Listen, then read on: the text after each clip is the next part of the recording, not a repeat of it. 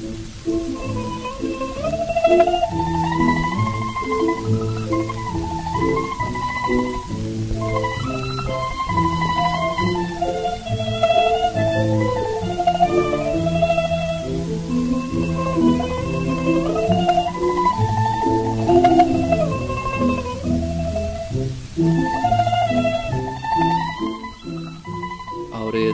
Árið 1860 reyndi ungu maður að gerast sjálfbóðaliði fyrir bandaríska herin og berjast fyrir Lincoln og Norðuríkin gegn þrælahaldi og Suðuríkjunum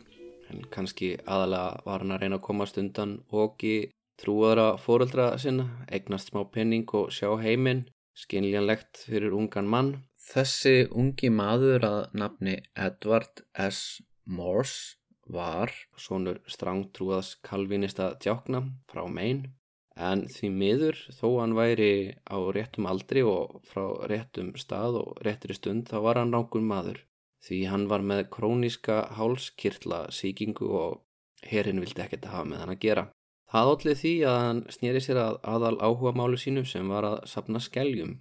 og meðan jafnaldrar hann stóðu á vývöldum Virginia og Mississippi og eflaust Tennessee og fleiri staða ég ætti nú hérna hlaðvarpum sögu Japans en ekki sögu bandaríkjana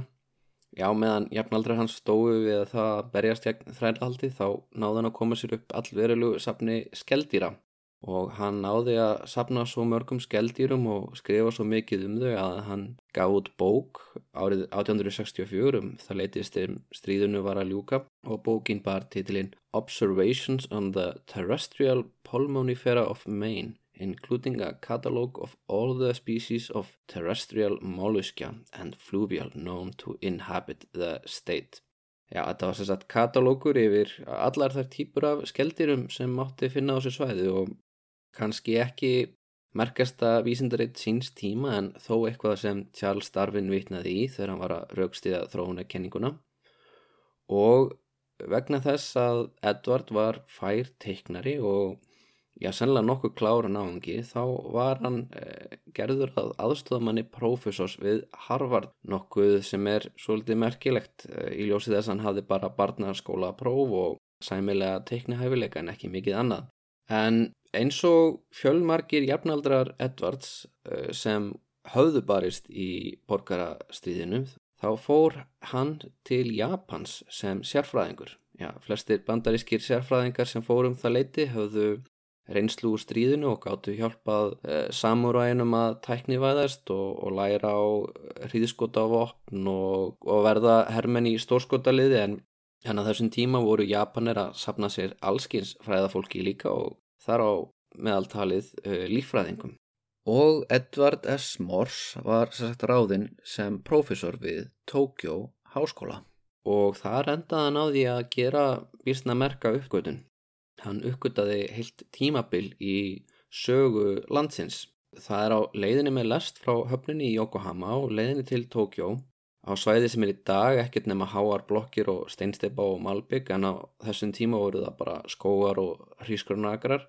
Það er um borð í lestinni bara eiginlega fyrsta daginn í Japan sem að Edvard lítur út um glukkan og hann sér svolítið sem hann kannast við, svolítið sem hann hefur séð áður í megin og Þetta er haugur eða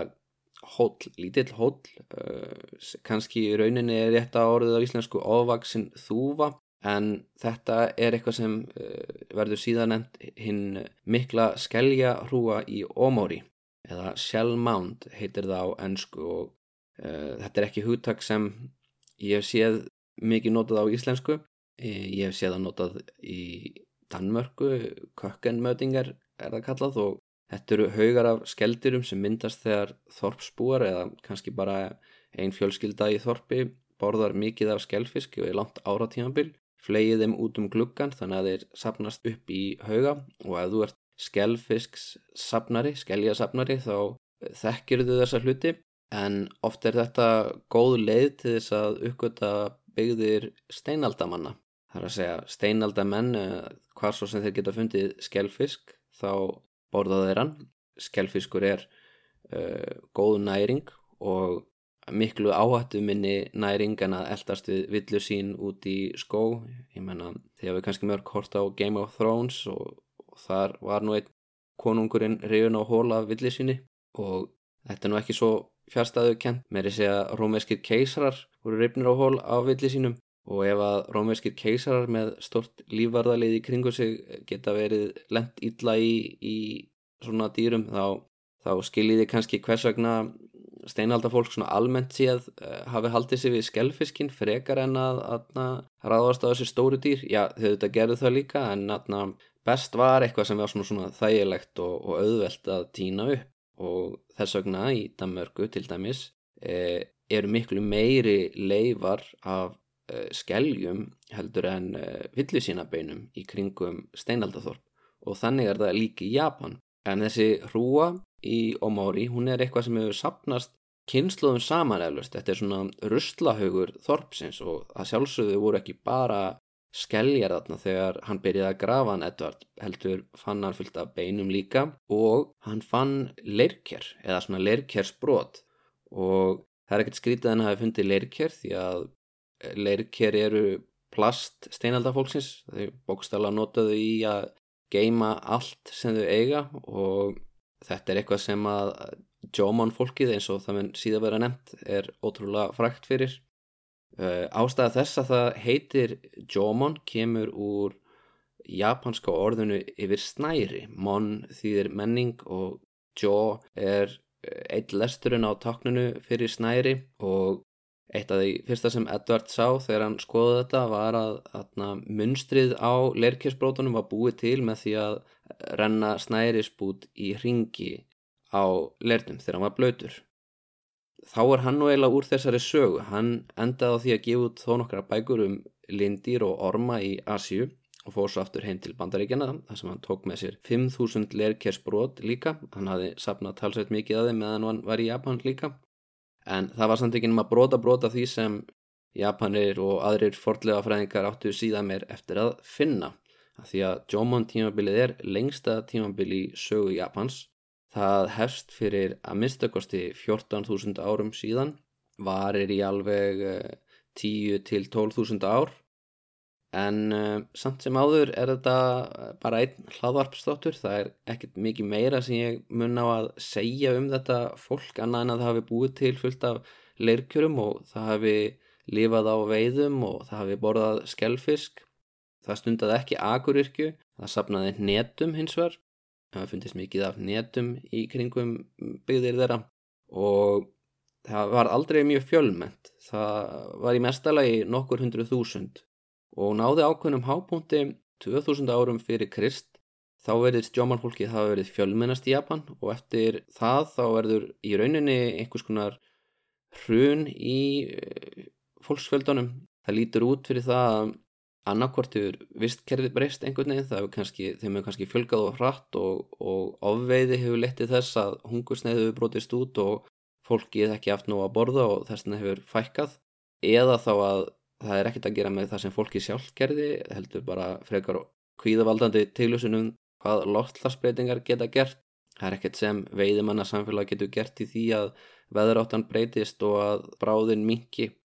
en svo getur líka verið að einhver vírus hafi gert óskunda þetta er í rauninni eitthvað sem við getum ekki vitað því að þau hafði ekki rítmál en þrátt fyrir það þrátt fyrir þetta hrun þá voru allavega um 100.000 jómon í Japan þegar annað fólk kemur til landsins, svo kallað Jajoi fólk. Og Jajoi fólkið heitir líka eftir leirkjörunum sem þau skilja eftir sig. Þau eru mun mínimalískari, þau eru ekki eins skrautleg og, og í raunin ekki eins falleg, sko, Jómón fólki býr til ótrúlega flottar leirstittur og flott leirkjör en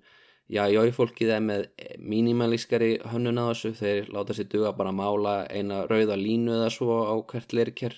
en það er líka út af því að leirkennin hjá þeim byrjast ekki vera stöðuták. Já, jóifólkið er nefnilega með brons, þau kunna bræða málma og þau kunna rækta hrískurjón og þau koma úr vestri, þau koma frá annarkor Kóru eða Kína eða kannski frá jafnvel Kirrahafsmegin frá en þau koma allan að sunnan megin á eiginni og setja stað í Kyushu og suðvestur hluta Honshu og smá saman taka þau við eitt dal á fætur öðrum og, og þegar þau hafa hokkið niður trén og, og plantað sínum hrísgrjónum þá hregst Jóman fólkið undan og fer lengra norður eða svo vilst vera. Þetta er auðvitað mörg hundruð ára ferli og það hefst svona cirka 500 árum fyrir Krist. Já, jói, nafnið er bara dreigið einfallega hverfi í Tókjó. Það er ekkert, ekkert engin merking í því en eru leirkerinn í rauninni það ómerkilegasta við fólkið. Það er miklu merkilegra að, að þau búið til bronsbjöllur, þau láti grafa sig með bronsverðum og bronsspeklum og þau eru eh, svona eiginleir forfiður Japana í dag. Það er að segja þau eiga meira genetíst sameigilegt með japansku þjóðinni heldur en Jóman fólkið en að sjálfsögðu er japanska fólkið í dag afkomendur bæði Jajoi og, og Jóman. En af hverju er ég að segja að, uh, það sjáist munur? Já, e, það fyrsta sem fordlega fræðingar tóku eftir þegar þeir skoðuðu uh, Jajoi fólkið var að þau höfðu öðruvísi tanngarða og reyndar leitur ansóknir síðar í ljós og þau höfðu líka öðruvísi bakteríuflóru en það fylgir því náttúrulega að hafa annað mataræði en þau höfðu öðruvísi tanngarða þeirra tanngarðar voru meira vafflaga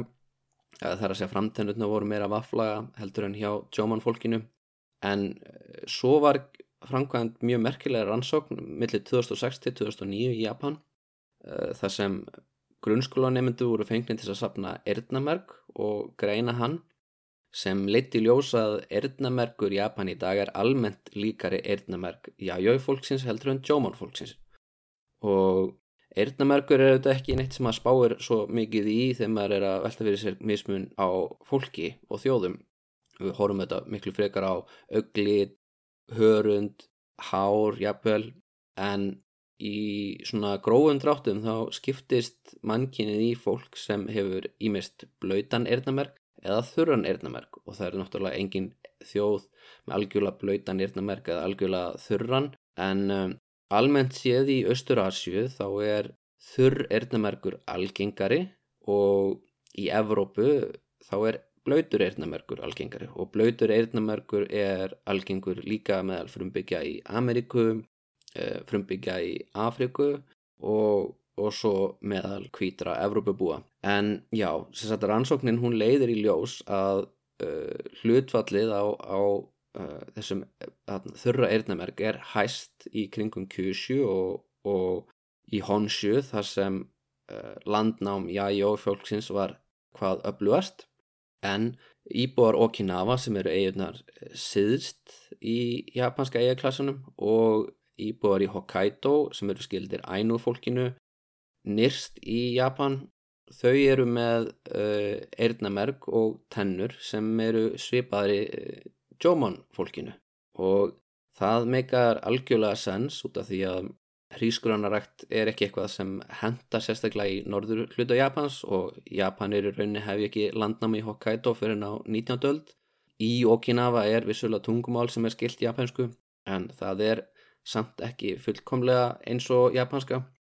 og Okinawa var lengi vel sjálfstætt konungdæmi var það alveg fram á 19. öld en það bendir til þess að það hafi eitthvað svona landnum átt sér stað en hvaðan sko?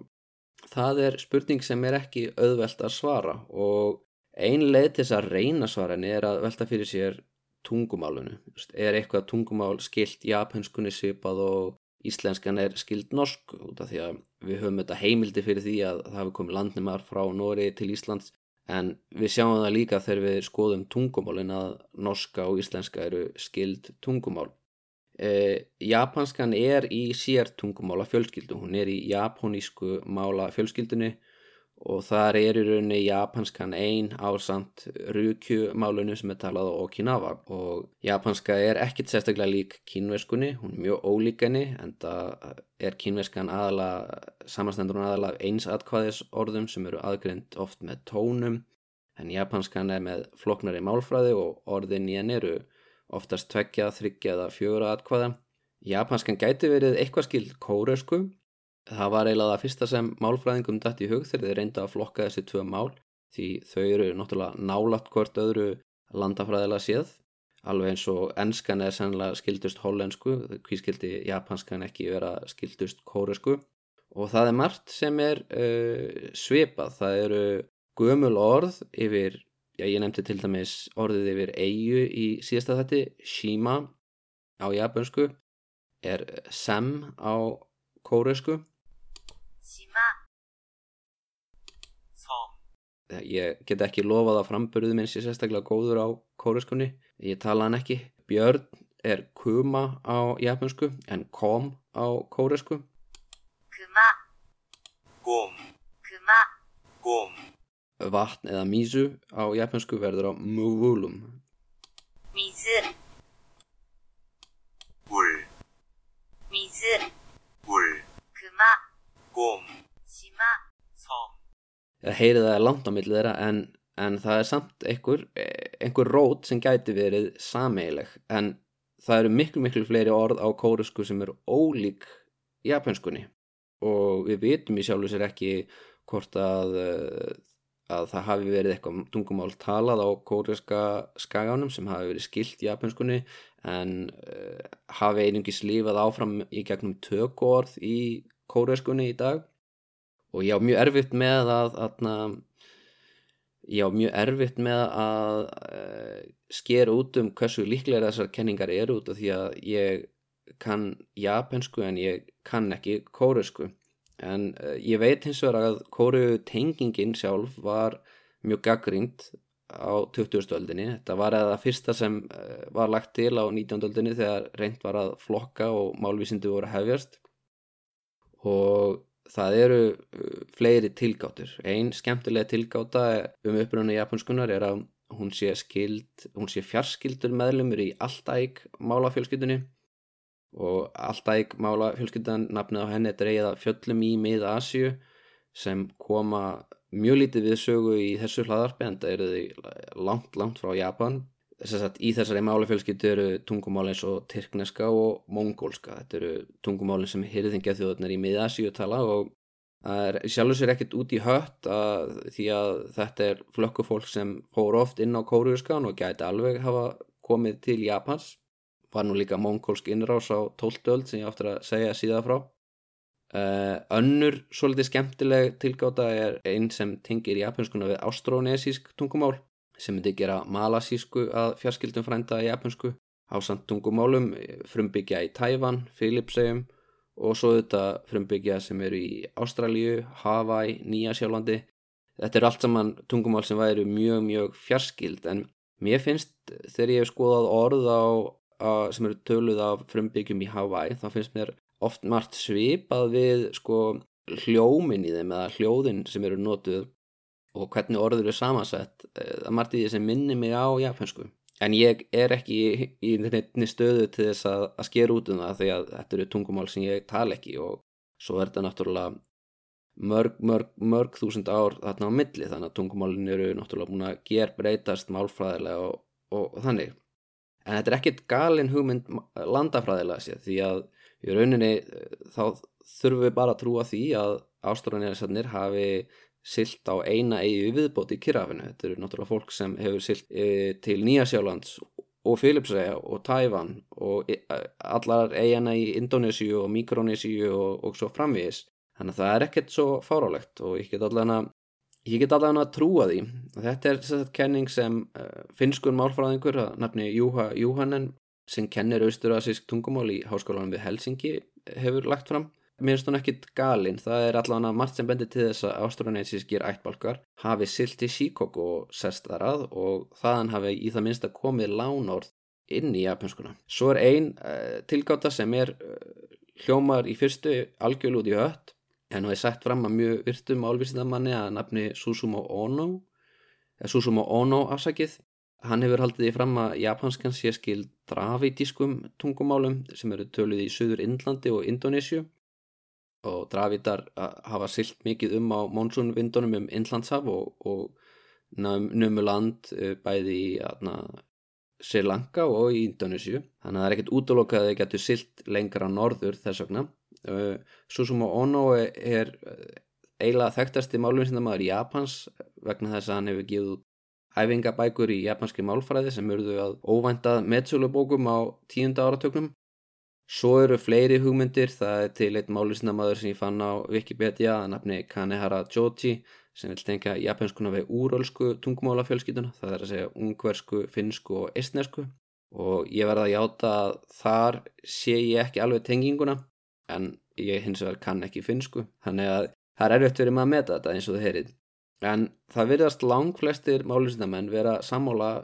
um að það megi finna áhrif frá mörgum óskildum tungumálum í japanskunni og spurningin sé kannski bara hvenar þessi ólíku áhrif blandast. Þetta eru kannski margir ólíkir ættbálkar sem nema að landa á svipuðum tíma. Svo er það náttúrulega ænu fólkið, afkomendur Jómon fólksins að öllum líkindum. Þeir eru líka í tungumálafjölskyldu sem enginn hefur náða að tengja við aðra tungumálafjölskyldu. Þeir búa að ná Hokkaido sem er nýsta eiga Japans og líka, það er líka til ænu fólk sem býr í Rússlandi, það er að segja í eigaklassunum fyrir ofan Japan. Kuril eigaklassin tengir Japan í rauninu við Kamchatka-skaga og síðan er það Sakhalin eiga og þar voru ænu líka sem veiðimenn og safnarar alveg fram á 20. öld. Uh, þetta er fólk sem er atna, mjög merkilegt. Þau, þau trúa eða trúðu á svona bjarnargoð og það var lengi síður að tattúvera sig í framann en það er nú svolítið skemmtilegt að segja frá því að sko þegar kynverjar komast fyrst í kynni við Japani þá lýsaði fólki sem er mjög skeggjað og tattúveraði framann og það eiginlega hljómar í mínum erum frekar eins og ænufólkið heldur en, heldur en mm, forföður Japanana af því að það virðist allan að hafa dáið út mjög fljótt að húðflúra sig í framann en það, það er svo sem ekki að vera mikið annað en bara kynversk áhrif því að kynverjar algjörlega fyrirlutu það að láta breyta líkamann, afskræma líkamann Confucius var rosalega mikið að móti því og Japanir urðu mjög fljótt uh, fyrir miklum áhrifum frá kynverum urðu konfúsjónistar Þetta er svolítið merkilegt sko hvað rískurunaræktin kemur seint til Japans, hún kemur þarna ekki fyrir enn 500 til 300 árum fyrir Krist. Og þetta er á tímapunkti þar sem sko akuryrkja er búin að vera í fullum gangi í alveg talsverðan tíma. Uh, ég menna sko að þessum tímapunkti er Alexander mikla að leggjum þessi heiminn, Rómavöld er að verða til Kína hefur farið í gegnum nokkrar svona útgáfur. Það hefur verið þarna Shang og, og Xia og Zhou uh, keisaradæmin. Að hrískunarækt hóst fyrir 13.500 árum ekkert mjög langt frá Japan við bakka Yangtze fljóts í Kína. Það er svo sem ekkert skrítið við það að,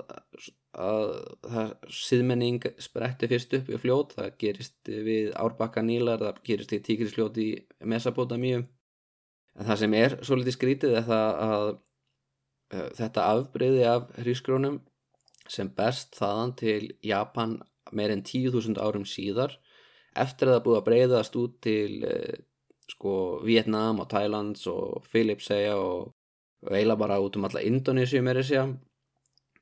uh, það best ekki til Japans fyrir en, fyrir en sko Rómaveldi er að hefjast. Þetta afbreyði af hrísgrónum er kallað japansku hrísgrónin eða Orisa Japonica á latinu sem er svona kannski álíka gáulegt og ef að sko kartöblur væri kallaður íslensku róðurnar eða eitthvað líka. Japanir borða náttúrulega mikið af hrísgrunum, alveg sipað og Íslendingar borða kartöblur með lambakjötunu en það breytir því ekki að kartöblur eiga uppruna sinna rekja til Andersfjalla í Suður Ameríku og, og tengjast hvorki Írlandi nýja Íslandi sérstaklega. En svona er það stundum. Það er hérna þegar Evrópubúar fá að nefna hluti þá nefnaði það þá kannski eftir staðnum sem þeir finna þá á og, og í þessu tilviki þá fannst uh, Evropabúum ekkert uh, japanskara en hrísgrón og vissulega er þau það. Þetta er í rauninni hérna Japanir borðurugla að meðaldali hrísgrón þrísor á dag eða eitthvað svo leiðis en, en með akuryrkinu þá kemur öðruvísi samfélagsstruktúr heldur en heldur en uh, veiðimannasamfélag hafa. Þau er mjög fljótt myndast lítil konungdæmi fólk er með höfðingja og já, já, fólkið verðist stunda einhver viðskipti við meginlandið og þau stunda það að, að reysa stóra hauga fyrir um, konungana sína, þess að svona grafhísi, þar sem þeir eru grafnir með brons, speglum oft, brons, sverðum, stórum brons, bjöllum. Og það myndast í rauninni mjög fljótt einhvers konar stigveldi milli þessara litlu konungdæma. Sem konungdæmi stækka og gleipa önnur og, og byrja að reysa stærri grafísi og á einhverjum tímapunkti um það byrj 300 eftir Krist þá er talað um að það hefist nýtt tímabil í sögu Japans tímabil sem er kallað Kofun tímabilið. Og Kofun merkir einfallega svona stór grefturinnar haugur og einhver tíma annarna á þessu tímabili eftir Krist þá er komin ný yfirstjætt sem er undir miklu menningar áhrifum frá Kína. Og ég hugsa að í næsta þætti þá mun ég ræða svo litið sögu Kína og þá sérstaklega hvað kynverjar hafa skrifað um Japani, hvað er vita um Japani á þessum tímapunkti af því að ég raun og verið ef við ætlum að skilja sögu Japans þá verðum við að skilja sögu Kína alveg eins og ef ég var að reyna að útskýra sko hugmyndasögu Íslands á 20. öld þá myndi ég annarkvært þurfa að gera ráð fyrir að fólk vissi af kaldastriðinu og Sovjetríkjunum og Bandaríkjunum og svo leiðis eða þá ég þurfti að útskýra það frá grunni og í þessu tilveki þá held ég að ég útskýri í grófum dráttum uh, kínverska hugmyndasögu áður en ég kynni hugmyndirnar og áhrifið þeirra í Japan. Bara þannig að þið vitið svona hvað er í vændum. En í næsta þætti þá könnum við þetta nýja stjættskipta samfélag og svona hvernig eitt af þessum járnaldar konundæmum á endanum næra samena hinn konundæmin og, og mynda já, forvera þess sem við köllum í dag keisaraveldið Japan. Japan er tæknilega síðan þá keisaraveldi og, og ætti að tala keisarana nær aftur til ásins 600 fyrir Krist jafnveil þó svo þá svo það sé hæp eða forfiður þeirra hafi verið komnir til Japans á þeim tímapunkti. En hvaðan það? Uh, ég verða að taka Kojiki að orðinu að þessu sinni og, og leifa mér að, að trúa því að maður að nafni Ami Negishi Kuni Negishi Amutsu Hiko Hiko Hono Ninigi no Mikoto eða Ninigi eins og vinnir hans kölluðan hafi komið til Japans 660 fyrir Krist af því að Ammans, sólarkiðan Amaterasu hafi ákveðið að senda hann til að taka það yfir. En það er önnur og floknari saga. Í næsta þetti þá er það Ninigi Nortnin Himiko og konungurinn af Na sem verða til umfyllunar Takk fyrir hlustunina